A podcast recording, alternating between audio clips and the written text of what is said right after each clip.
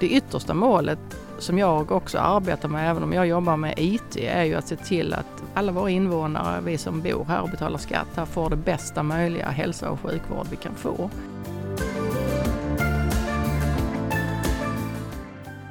Hon går medan hon tänker och vill stå på barrikaden även när det blåser.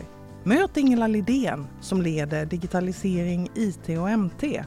Hon ser individens behov styra framtidens IT-lösningar där användardata kan nyttjas för bättre hälsa och skrattar mer än gärna på jobbet. Jag heter Anna Strömblad. Det här är Region Skånes chefspodd om hur vi leder tillsammans för framtiden.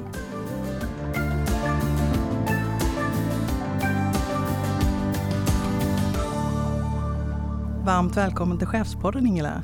Tack så mycket Anna. Roligt att ha dig här. Jag har hört att du gärna inleder dina egna möten eh, på Digit MT-förvaltningen med ett gapflabb. ja. vi, kanske börja, vi, kanske ska börja så här också. Ja, det händer faktiskt ganska ofta. Ehm, jag, eh, jag tycker att det är underbart att använda skratt eh, och det ger mig mycket energi. Och jag är oftast glad, glad eller arg. Varför är det så viktigt att skratta tillsammans? Eh, man får energi av det, det skapar eh, gemenskap eh, och en känsla av att man blottar sig tillsammans. Om man skrattar, så man skriker eller tårarna rinner så är man ju ganska så öppen. Mm. Hur, men hur gör du för att ha kul då? Hur får man fram det där skrattet? Jag, jag tror att jag är positiv människa och ser och jag kan skratta åt mig själv. Och någonstans är det så att jag är ju en, um, jag är ju till viss del en rätt så uh, hastig och slarvig person och det innebär ju ofta att jag snubblar, snubblar på orden, uh, tappar saker, glömmer bort saker och då tycker jag att då skojar jag om mig själv och då vågar folk, andra människor också öppna sig och så kan vi skratta åt uh, saker tillsammans, inte åt varandra utan tillsammans. Mm. Och sen så tror jag att, um, ja, jag tror att eh, man behöver inte vara så allvarlig bara för att man jobbar med svåra frågor utan eh, skrattet ger eh, energi hela tiden. Du började ju här, du är förvaltningschef för digitalisering, IT och MT här i Region Skåne och en förvaltning som har ungefär 350 ja. medarbetare och som jobbar med digitalisering och utveckling inom IT-området. Och du kom till det här jobbet i Region Skåne i våras. Känner du dig varm i kläderna? Eh, ja och nej. Eh, jag kom ju mitt i pandemin, ska vi säga. Det var ganska svårt att, att börja eh, på ett nytt arbete och inte få träffa sina kollegor i ledningsgruppen och inte få träffa sina kollegor, det vill säga de närmaste som rapporterat till mig, var ganska svårt och gjorde att det tog längre tid. Så nej, Alf eh, brukar säga det kommer ta ett år, Ingela. Ja, kanske hinner jag känna mig 80% varm i kläderna till årsskiftet eller till det har gått ett år. Vi får se. Det tar, sen tar det ännu längre tid tror jag. Mm. Det är första gången som du jobbar i offentlig verksamhet. Du har jobbat inom konsultbranschen länge bland mm. annat. Varför tackade du ja till det här jobbet? Därför att jag tyckte det var så otroligt eh, spännande att få vara med i eh, eh att förändra ehm, eh, IT och digitalisering inom, eh, inom hälsa och sjukvård. Att vi står inför ett paradigmskifte, eh, tycker jag. och ja, jag kände att det var viktigt att få vara med och göra det. Kändes viktigt för mig. Varför var det viktigt? Då? Ja, för det första så var det ju så här att jag Eh, jag har ju då, peppar peppar, ta i trä, så. Eh, inte varit så mycket på sjukhus själv och varit sjuk. Eh, däremot så har jag en mamma som är 88 år och när jag gick med henne till läkare, eh, till hennes husläkare och han frågade henne Okej okay, Elsa, eh, trevligt att se dig. Eh, har du fått några nya mediciner på sistone? Så tänkte jag, va? Vet inte han det? Kan inte han se allting? Och där och då så började jag undra eh, hur, hur det gick till. Och sen, ja, sen hände det andra saker. Mm. Mm. Så du, det handlar om att, att, att, vara med och bidra? Ja. Göra skillnad? Ja, jag vill, jag vill verkligen få vara med och göra skillnad. Jag har jag har sysslat hela mitt liv med att jobba i olika, ehm, eh, eh, inom olika jobb inom näringslivet. Stora bolag och små bolag. Och någonstans har det ändå alltid handlat om att eh, skyffla pengar, kan jag säga lite vanvördigt, eh, mellan aktieägare. Jag har inte något emot varken aktieägare eller pengar eller aktier. Men detta känns viktigt på riktigt, även om det är kanske en sliten sak att säga, så tycker jag det känns verkligt viktigt. Mm. Gör du skillnad? Det gör jag. Det känner jag. Det känner jag varje dag att jag gör skillnad. Mm, hur då? Jag eh, tror att jag ger eh, min förvaltning och de människorna som jobbar där eh, en större möjlighet att kunna påverka. Eh, därför att jag eh, ser till att vi har ett, försöker se till att vi har ett bättre sätt att jobba. Eh, att vi vet vart vi ska och att vi, vi förstår att vi gör det tillsammans. Vad innebär digitalisering för dig? Digitalisering i sig är ju ett ord som, är, som många människor tolkar på olika sätt. Eh, jag skulle säga att när man pratar om digitalisering så pratar man om verksamhetsutveckling med hjälp av teknik. Och det är inte att bara ta en manuell rutin och göra den till digital istället, för det där är digitisering eller vad man, man kan kalla det. Eh, eh ja, man kan kalla det för olika saker, men digitalisering handlar om att tänka digitalt först. Inte först tänka det fysiska flödet utan tänka hur skulle vi kunna göra detta på bästa sätt med hjälp av teknik. Mm. Och nu har du både IT och MT, mm. det som kallas eh, medicinteknik. Mm. På vilket sätt får det mer betydelse tror du? Jag tror att eh, ju mer, ju mer sofistikerad vården blir, desto mer, eh, desto mer eh, kan man ju bygga denna typen av eh, medicintekniska produkter som i sin tur innehåller otroligt mycket IT. Så IT och MT är ju, går ju ihop. Man kan, om man ser en medicinteknisk avancerad produkt så är det ju som en dator. Den är fylld med funktionalitet och programvara, operativsystem och allt vad det nu är, precis som en annan dator. Och sen har den kanske då möjlighet att mäta saker på en människa eh, till exempel. Nu jobbar du mycket framåt utifrån IT och MT. Va, vad ser du är de viktigaste målen inom de här områdena? Eh, de viktigaste målen, allting utgår ju såklart ifrån vår verksamhet och inom Region Skåne så är det ju hälsa och sjukvård nästan allting vi gör, inte riktigt allt, men nästan allting vi gör är ju eh, hälsa och sjukvård. Och målet är ju att se till att, att vi, det yttersta målet som jag också arbetar med, även om jag jobbar med IT, är ju att se till att våra invånare, eh, alla våra invånare, vi som bor här och betalar skatt här, får det bästa möjliga hälsa och sjukvård vi kan få. Eh, det finns ju inget annat mål och det är ju ett enkelt mål att sätta sig in i, för jag är själv invånare och du och min mamma och mina, alla, alla är ju invånare. Och på vilket sätt har IT och MT då eh, kan bidra i detta som du ser det? Ja, vi kan bidra på många olika sätt. Dels så kan vi göra saker som inte människor kan. Eh, om, man tänk, om man tittar på eh, all eh, den data som finns så skulle man kunna använda den till oändligt mycket. Um, till exempel skulle man kunna förutsäga vilka, egentligen vilka, om man, om man tittar på tittat till exempel i skolor, eh, tittar på barnens, i folktandvården på barnens tänder, så skulle man faktiskt kunna se eh, vad, vad som kan, från olika stadsdelar, vad som kommer att hända och vilka sjukdomar man sannolikt kommer att få.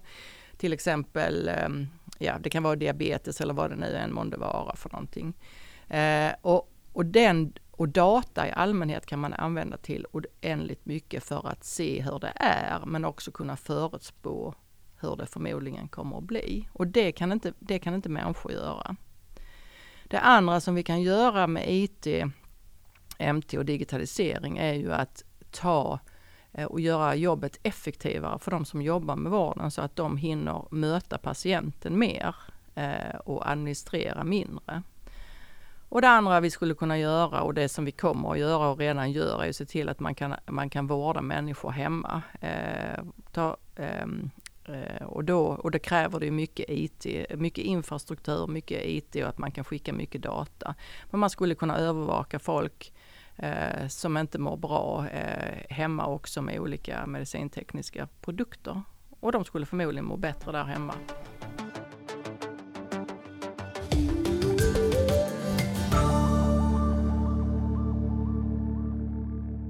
Nu är det redan inne i framtiden och jag tänkte att vi, vi ska såklart prata mer om det men vi måste också prata en del om det som kommer här nu i framtiden, STV, Skånes digitala mm. vårdsystem. Mm. Du har sagt att det är helt nödvändigt med STV för Region Skåne. Varför då? Därför att eh, vi har IT-plattformar som är för gamla en del av våra system.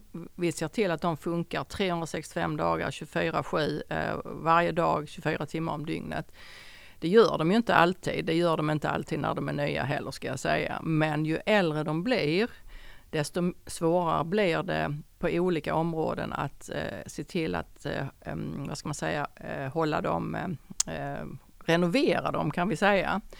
Eh, dels därför att det finns, om de är byggda på gamla tekniker så finns det kanske inte ens så mycket kompetens och tillgång in, inom de teknikerna. Men vad som är än värre är ju att om plattformarna är gamla så ökar risken för att man ska kunna hacka dem, som vi säger populärt då, det vill säga att vi ska kunna få in eh, angripare via den vägen.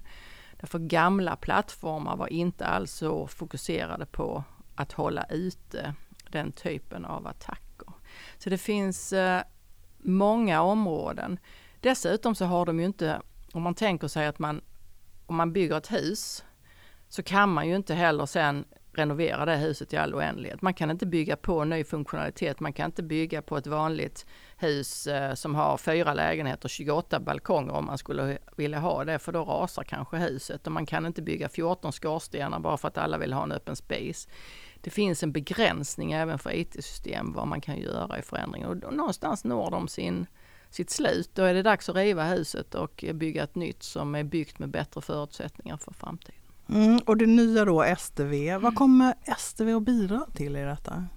Som det nya? Mm. STV kommer att bidra till att vi får vad jag brukar kalla för en sanning av data. Det, det är ju inte bara ett journalsystem utan det är ju ett, en, en det är ju en datamodell och en databas där all data ligger i och då, det kommer bara finnas en sanning av data. Eh, mitt personnummer och mitt namn kommer förhoppningsvis att bara ligga på ett ställe. Har man hundra olika system som man har knutit ihop ifrån olika leverantörer så kanske mitt namn och personnummer ligger i jättemånga, på jättemånga ställen. Det är dåligt, dels därför att det är svårare att skydda personuppgifter och patientuppgifter. Men det är också dåligt därför att förmodligen så kommer den vid något tillfälle att bli missmatch i informationen.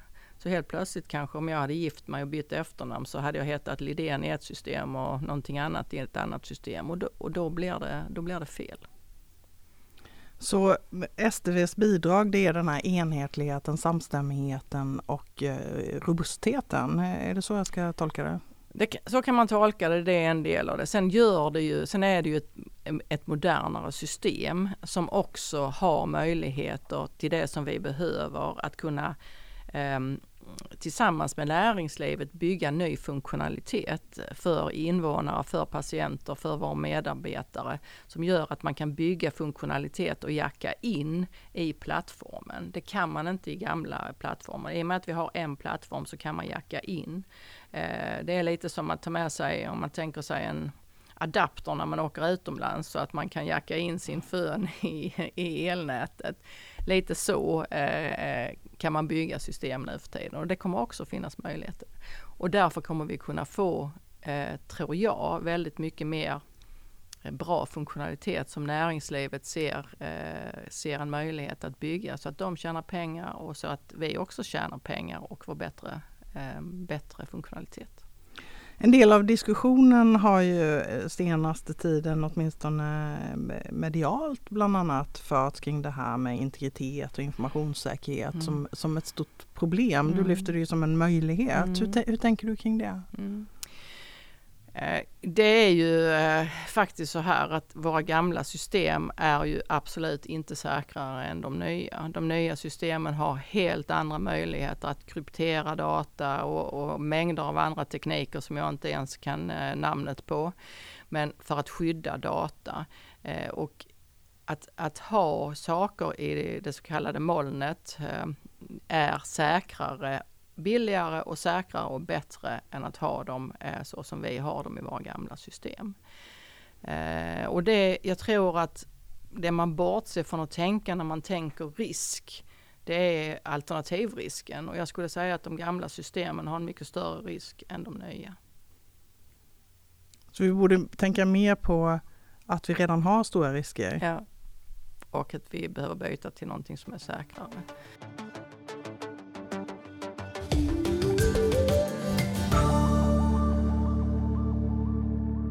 Hur eh, har du det själv med tekniken? Alltså jag är ju inte det finns ju en del av mina kollegor eh, eh som, som alltid säger, fråga Ingela, hon är ju tekniker och då skrattar jag jättehögt därför att jag är absolut ingen tekniker. Jag är den första att eh, bli väldigt irriterad om min dator inte funkar eller, eller om bilen inte funkar eller vad det nu är för någonting. Så jag är inte där. Jag, eh, jag har ju varit utvecklare en gång i tiden från början. Eh, det var jag kanske i tre år eh, och sen så började jag jobba som projektledare och sen har jag chefat i många, många år sedan dess.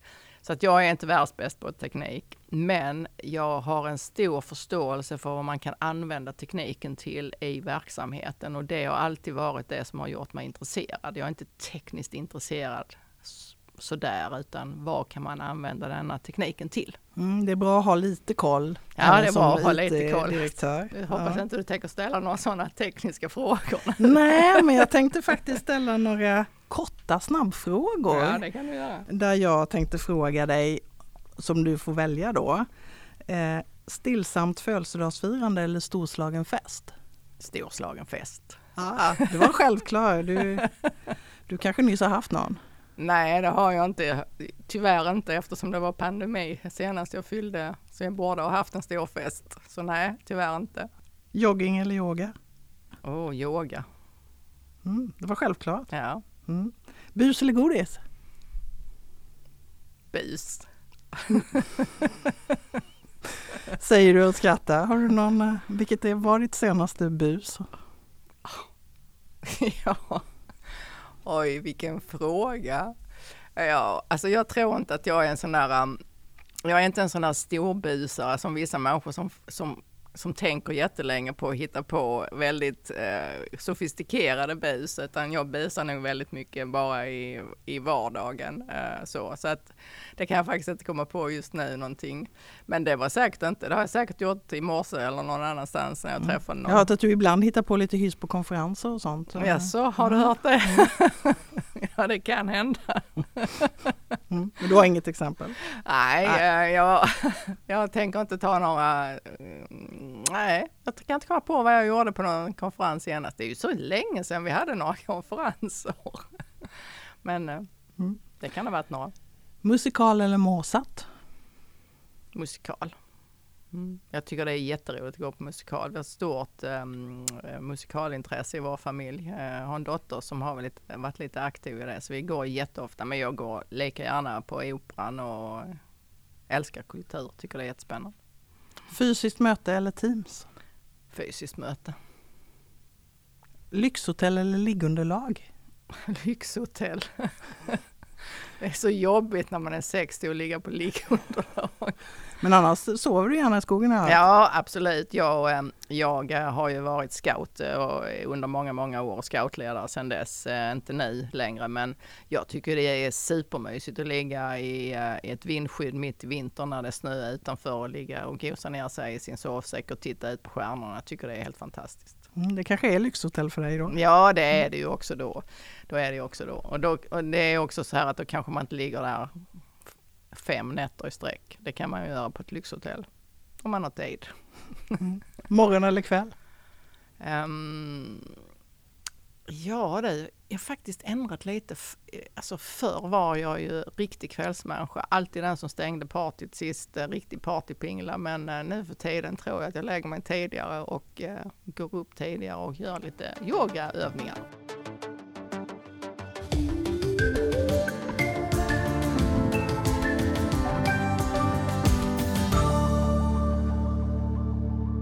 Jag tänkte vi skulle prata lite grann om det här med ledarskap. Du sa det att du har varit chef väldigt eh, länge. Hur länge mm. har du varit chef? Sen jag var 25 säkert. Mm, så i många år. Mm. Hur såg vägen dit ut? Um, vägen dit var att jag jobbade på ett, eh, på ett IT-bolag och och blev tillfrågad om jag ville bli teamchef för mitt team där jag jobbade i. Eh, och jag blev jättesmickrad och jätteglad och bara sa ja, såklart vill jag. Men då hade jag en äldre kollega, en, eh, en klok man som hette Göran, som sa du Ingela, vi måste nog snacka lite om det här, sa han. Ja, ja okej okay, då tänkte jag, vad kan, vad kan vara problemet? Eh, och eh, då sa han kloka ord till mig som jag önskar att fler chefer egentligen hade fått höra. För han sa sådana här, eh, han pratade om det här med chefskap, så sa han så här, kan du klara av, och, eh, kan du klara av att sätta att, det, att du måste sätta lön på dina kompisar? För det är ju dina kompisar, du har ju jobbat med dem innan. Ja, jo, jo det kunde man. Och, Um, kan du, uh, du förstår att om du hoppar över det här staketet här nu så kan du inte hoppa tillbaka i detta teamet för det är liksom, då har du redan gjort det valet. Och, och så pratade vi länge om det här och så. Jag, jag, jag förstod ju att det var kloka saker han sa. Och så, sa så är det en sak till. Du förstår att du måste gå hem tidigt på, kväll, på kvällarna från festen så att folk kan prata om dig. För det kommer de att vilja göra. Så då behöver du gå hem klockan 11 och så sitter de kvar en timme till och pratar om dig. Pallar du inte det ska du inte bli chef. Eh, och jag tycker det är viktigt och det är fantastiskt roligt om man nu tycker det är roligt med människor att vara ledare och chef. Jag tycker det är jättekul. Men man, man, man behöver förstå att det finns allvarliga saker man behöver göra också. Man behöver ibland prata med människor om att de behöver söka ett annat jobb till exempel. Det är ju inget man gör lättvindigt. Det är inget man tycker är roligt. Det ställer stora krav. Det ställer stora krav på en. Du sa ju att du har varit scoutledare också. Ja. Är det något där du tar med dig? Absolut. Eh, jag tar med mig eh, en, eh, ett inkluderande sätt. Jag tycker scouterna är en otroligt fin rörelse för det är en väldigt inkluderande verksamhet. Alla är välkomna och, det och alla kan bidra. Jag tror att ett, ett år när jag var scoutledare, när mina barn var sådär vad kan de ha varit, 8 och 10 kanske, så eh, har man sådana här hajker på sommaren. Eh, och då är, ingår det alltid att man har en sån här, eh, eh man har en tävling och då går man i en liten karta ute i skogen och så har man olika stationer och ska man göra olika saker. Och jag är inte en sån där scout som är duktig på knop, alla knoparna och kan alla blommorna utan till och kottar och sånt liksom. Utan Eh, jag jobbade, vi, vi bestämde oss, jag och den andra ledaren, för att jobba med ledarskap. Eh, och tog vår patrull och jobbade med eh, att lära dem att samarbeta. Och det gjorde vi hela året och de vann hela tävlingen. Det var helt fantastiskt. Vi, jag gjorde samma samarbetsövningar med dem som jag gjorde med mina, mina kollegor på jobbet. Och det var helt fantastiskt. Jätte, jätteroligt. Mm, vad säger det om ledarskap tycker du? Ja, alltså ledarskap och kultur och kommunikation är ju eh, absoluta kritiska framgångsfaktorer, alltid skulle jag säga. Mm. Har man inte det så eh, spelar det ingen roll vilken strategi man har, för det, det, jag tror inte det kommer lyckas ändå. Det är väldigt, väldigt viktigt. I grunden så, så sa de kultur och, och, kommunikation. Hur jobbar du? Det handlar ju mycket om, om värderingsfrågor. Hur jobbar mm. du med värdering? Mm. Um, man kan inte, jag tror inte att man kan, eh, att man kan egentligen ändra folks värderingar på ett sätt. Men jag tror också, jag tror på den inneboende kraften i människor. Jag tror att det är väldigt, väldigt få människor jag träffat i mitt eh, yrkesliv eller i mitt liv överhuvudtaget som vaknar på morgonen och tänker så här, ah, idag ska jag göra mitt sämsta. Det är väldigt sällan. Jag tror att människor vill eh, göra bra saker och vill väl. Eh, och då gäller det att kunna ge eh, människor utrymme att göra, att göra bra och väl på sitt sätt eh, utifrån eh, deras förmågor. Och jag tror ännu mer på team, te, teamkänslan. Och för att kunna vara ett team måste man kunna eh, kommunicera och man måste på något vis förstå varandras kultur och kunna bygga av den kulturen en gemensam plattform att stå på. För att jag tror att man plockar in människor som är olika men ändå kan ha en gemensam bottenplatta så kan man åstadkomma nästan precis vad som helst. Mm. Och dessutom ha roligt under tiden när man gör det. Jag har förstått att du gärna sätter igång aktiviteter redan när du börjar tänka på arbetet och kanske innan strategin är helt färdig. är, det inte viktigt att planera innan man agerar? Ja, Jo, det är det. Uh, men jag tror också på att en del saker behöver göras här och nu när man kommer på det. Oj, hoppsan. Uh, och sen så, och så tänker jag också att vi måste tänka medan vi går är ett uttryck som jag använder väldigt mycket. Man kan säga det på ett annat sätt. Vi måste lägga rälsen medan vi går. Men jag brukar säga vi, vi måste tänka medan vi går. Vi har inte tid att stå stilla och bara tänka. Vi måste göra saker under tiden. Om det sen betyder att vi måste två steg fram och ett tillbaka och kanske till och med ännu värre ett steg fram och två tillbaka. Ja, men då får det vara så.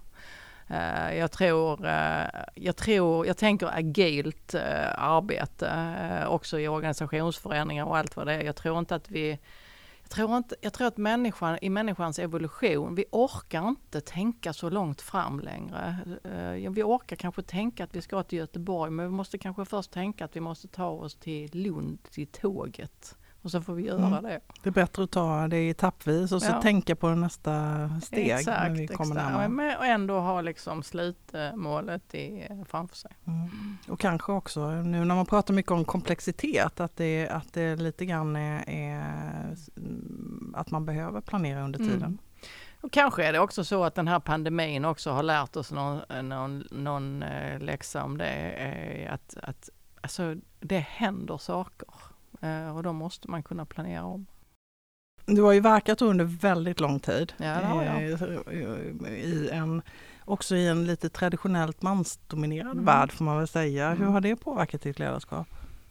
Mm, eh, jag, jag, tror att eh, det har påverkat mitt ledarskap på det sättet att jag känner att det är väldigt viktigt att vara en inkluderande ledare. Eh, för man ska ju faktiskt veta att det är ju ändå så att jag började ju i början på 80-talet i den här branschen och det var jädra inte många kvinnor som du säger och jag har suttit i många ledningsgrupper där i, även mycket, mycket senare än så, där det bara har varit män. Eh, och eh, man känner sig ju, eh, till slut slutade jag känna när jag kom ut från ett rum då för kanske 10-15 år sedan och någon sa, var det bara du och alla männen där inne och jag bara var det, för jag hade inte ens tänkt på det.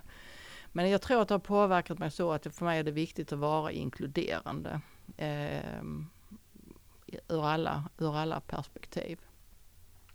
Sen, sen ska man ju säga så här att genom, om man ska vara ärlig så är det ju så att jag har stött i det där glastaket någon gång eh, eh, för länge sedan. Det gjorde jag ganska så snabbt eh, ska jag säga och eh, det har ju också gjort mig till eh, den feminist jag är. Eh, jag tycker det är otroligt viktigt med jämlikhet eh, och jag förstår ju inte hur man inte kan vara feminist.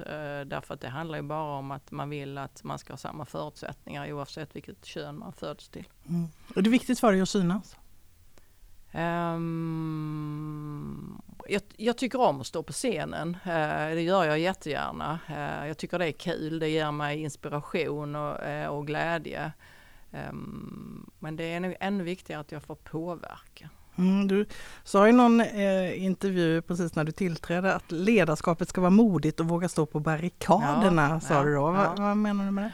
Jo, men jag tror att det är väldigt viktigt. Vi kan ta, eh, vi kan ta STV som exempel. Eh, jag tror att det är otroligt viktigt att alla cheferna i Region Skåne står på barrikaderna när det gäller det. Och det, kan vara, det ska vara även när det är svårt.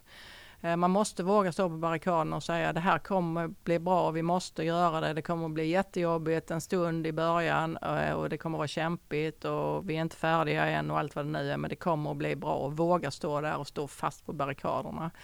Eh, och våga, våga ta ställning, inte sitta på läktaren. Ehm, jag har jobbat i många stora organisationer eh, under mina dagar också, i många små. Men i många stora organisationer finns det ofta många medarbetare som sitter på läktaren. Och jag tycker att det är fegt att sätta sig på läktaren. Um, och sitta med armarna i kors och vänta och se, kommer det gå bra så säljer jag mig till dem på planen och går det inte bra så går jag ut genom bakdörren. Jag tycker inte det är ett bra ledarskap. Mm. På vilket sätt visar du mod? Ehm, men jag tror att eh, jag vågar vara tydlig eh, med, eh, med till exempel vad som, det här med kulturen. Jag vågar vara tydlig med det. Dels vara tydlig med vad som inte är acceptabelt, men, men också vara tydlig med hur jag vill, hur jag vill att det ska vara. Sen, sen när det gäller det här hur jag vill att det ska vara så är jag ju inte jag är ändå rätt så prestigelös och, och är det någon som har en bättre idé än jag så tar jag gärna den. För det är viktigare för mig att gå framåt än, än att jag har rätt. Men jag vågar vara tydlig. Jag har eh, haft medarbetare mm, eh, som, som har jobbat eh, kanske i 30-40 år på samma ställe som jag har haft diskussioner med som har sagt att det där är aldrig någon som har gett mig den feedbacken. Och jag, jag finner det hutlöst dåligt av ledare som inte har vågat ge den uppenbara feedbacken till de medarbetarna. För att jag tror att alla behöver feedback. Hur ska jag kunna veta? Jag kan gå omkring i min värld och tro att jag är världens bästa ledare. Och tänk om alla runt omkring tycker att jag är den sämsta och ingen säger någonting. Det är fruktansvärt. Så att jag, jag, jag tror att man ska våga vara modig, våga stå för att driva de sakerna man vill driva och man ska våga man ska våga på ett fint och vänligt sätt naturligtvis och ett konstruktivt sätt. Men, men våga säga till när det är någonting som man tycker är fel. Antingen i ett ledarbetarskap eller ett medarbetarskap oavsett i vilken, i vilken sits man är i. Hur ska vi annars kunna bli bättre? Det går ju inte. Finns det, finns det risk att man blir obekväm?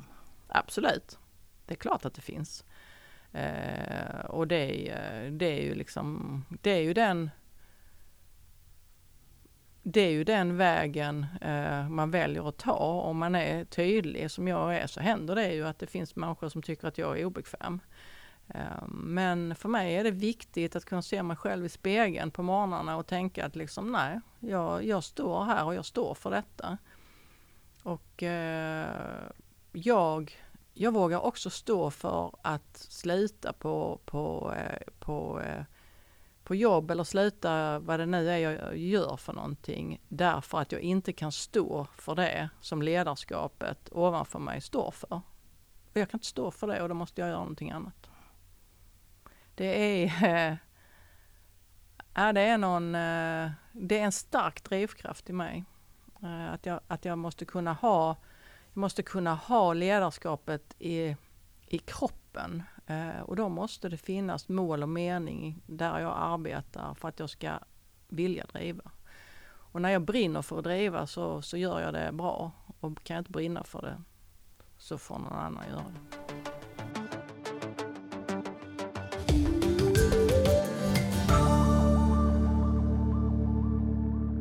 Om vi fäster blicken lite på framtiden. Mm och hur Region Skånes eh, uppdrag ser ut. När vi pratar om framtidens hälsosystem så nämns ju digitalisering mm. som en av nycklarna mm. för att lösa våra utmaningar. Hur tänker du kring det?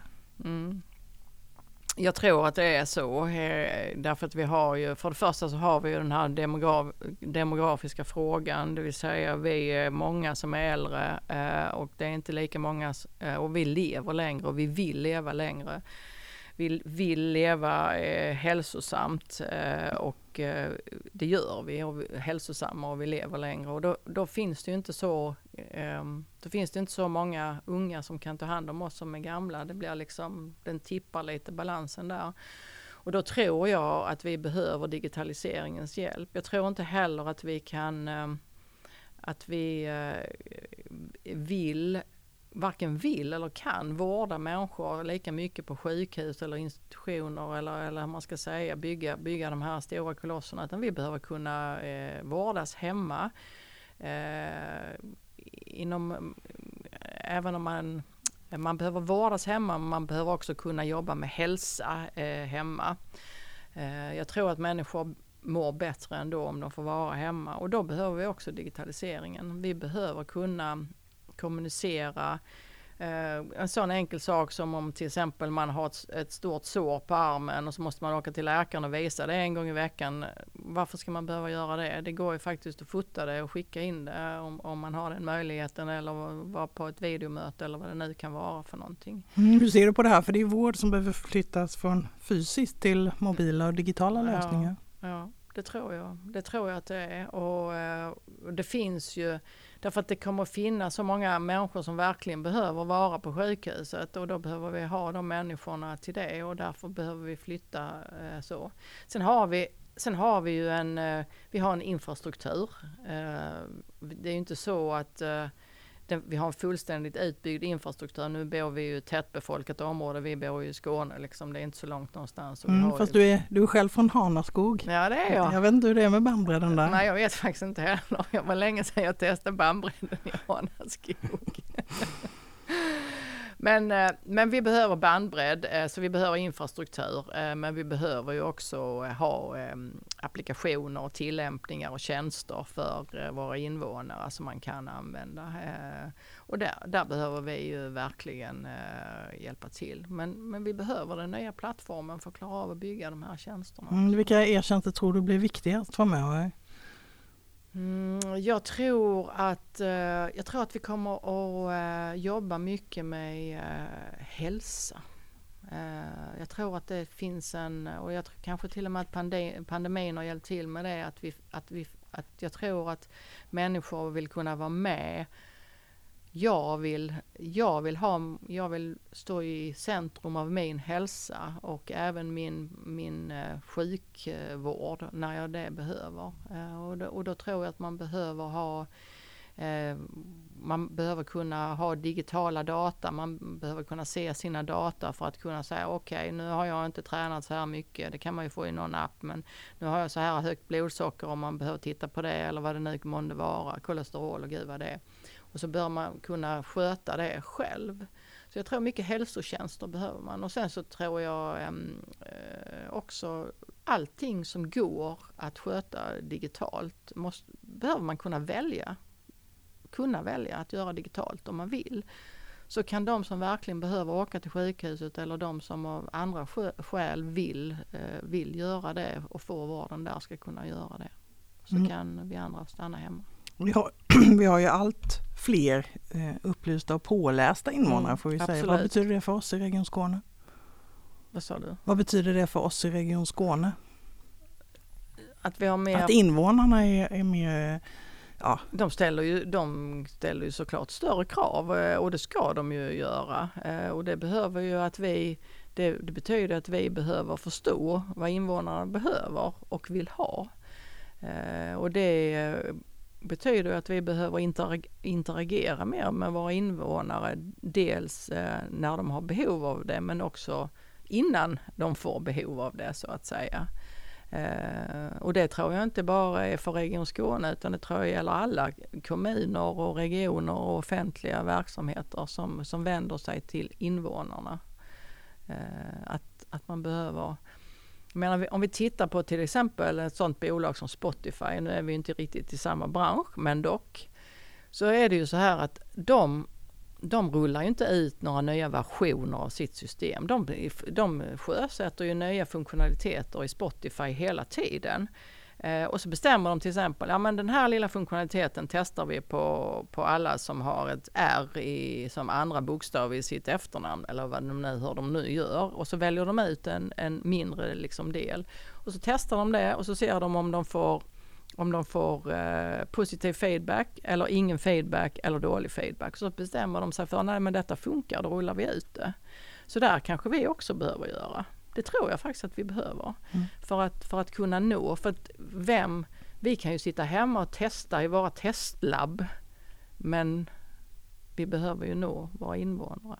Är det, men är det ett sätt att nå lite mer användarvänlig digitalisering? Mm, det tror jag. Därför att vem kan bäst säga det är ju de som ska använda det. Och då behöver man ju testa det också i olika åldersspann. För det är ju ändå så att det är en stor skillnad på hur lätt det är att digitalisera en, en 15-åring och min mamma som är 88. Vi, vi är ju delvis också beroende av vår samverkan med andra regioner mm. och delar en del lösningar. Var, varför ser du att det är viktigt att vi samverkar nationellt? Jo men såklart är det viktigt att vi samverkar nationellt eh, och jag tror att eh, här behöver vi titta på eh, kanske nya, nya sätt att göra det på.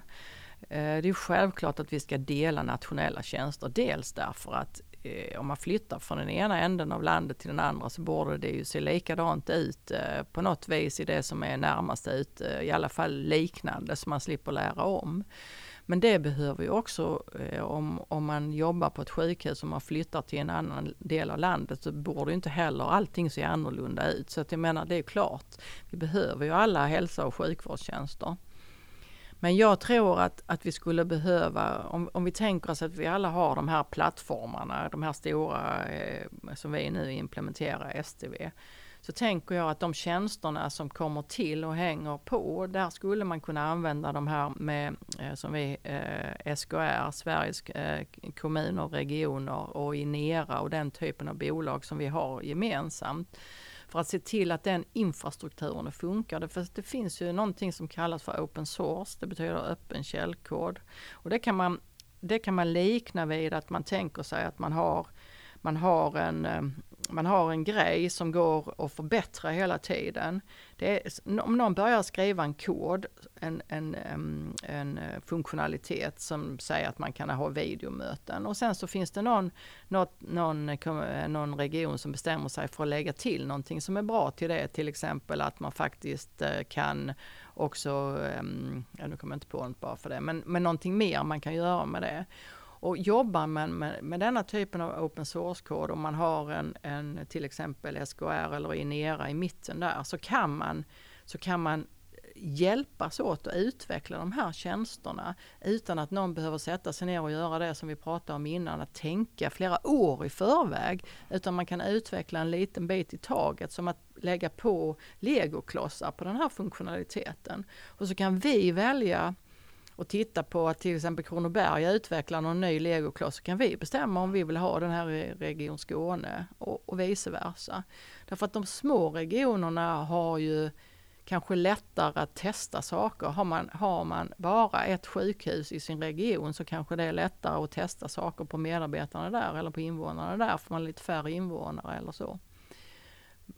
Men om man tittar man på de stora regionerna så har vi ju mer resurser i form av resurser. Eh, 350 medarbetare har ju förmodligen inte Kronoberg i sin IT-avdelning, det vet jag inte, men, men till exempel. Så att jag tror att vi behöver hitta annat, andra sätt. Eh, för jag tror inte på det här att vi allihopa ska ha samma system, att vi ska sätta oss ner 21 regioner och komma överens. Alltså, jag vet inte. Det kommer att ta tio år bara att tänka och då har världen hunnit förflytta sig någon helt annanstans. Många varv runt solen. Ja, exakt. Mm. Om du nu får sia vad vi är om tio år, vad ser du då?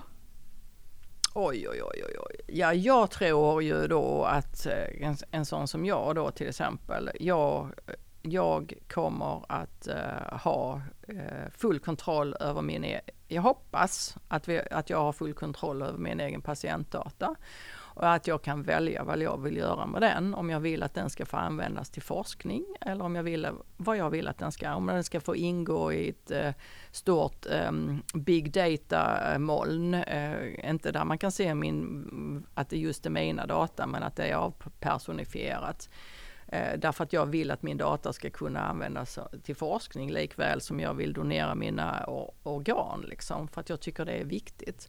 Eh, och jag tror att, att jag kan bestämma över det själv. Jag tror att jag kommer att ha full koll över jättemånga värden i min egen kropp och kunna, kunna, kunna titta på det i min mobil eller mitt device eller så sitter det direkt i handleden, vad vet jag, och så säger den pling, nu får du faktiskt gå ut och gå. Ja okej, okay, då får jag gå ut och gå eller vad det nu är jag ska göra för någonting. Så att jag tror jag kommer ha en helt annan mitt behov av hälsa eh, och hjälp till hälsa och hjälp till sjukvård kommer att utgå mycket mer ifrån mitt behov än, än, eh, än någonting annat. Och jag tror att även om jag blir även om jag blir jag ska säga lite allvarligt sjuk, vad en konstig sak att säga, men, men liksom så, så, kommer jag förmodligen att vara hemma med min, eh, med min familj eller mina vänner eller vad jag nu är därför att eh, jag kommer förmodligen må bättre av det och ändå ha ett bättre liv. Så hoppas jag att det ser ut. Och din nya hund? Eller och min du... nya hund. Mm. Nu har jag ju ställt en massa frågor till dig Ingela. Är det, är det någon fråga som jag borde ha ställt? Nej det, nej, det vet jag inte. Det finns säkert massa frågor man kan ställa, men om, som du borde ha ställt. Ja, du borde ställa, du borde fråga mig om jag har kul på jobbet. Har du kul på jobbet? Jag har jättekul på jobbet varje dag. det har jag verkligen. Jag tycker det är så eh, spännande och så roligt och det känns eh, viktigt och det finns så mycket att göra här och jag känner verkligen att jag kan bidra. Mm. Vad härligt för då kan vi avslu avsluta med ett skratt eh, precis som vi, som vi började. Tack för att du kom hit. Vad ska du göra resten av dagen? Resten av dagen, eh, ja det vet jag faktiskt inte riktigt. Eh, jag ska nog gå, gå hem. Jag håller på, jag ska sälja min lägenhet faktiskt. Jag ska nog gå hem och städa lite för det ska vara visning imorgon. Tack för att du kom. Tack så mycket Anna.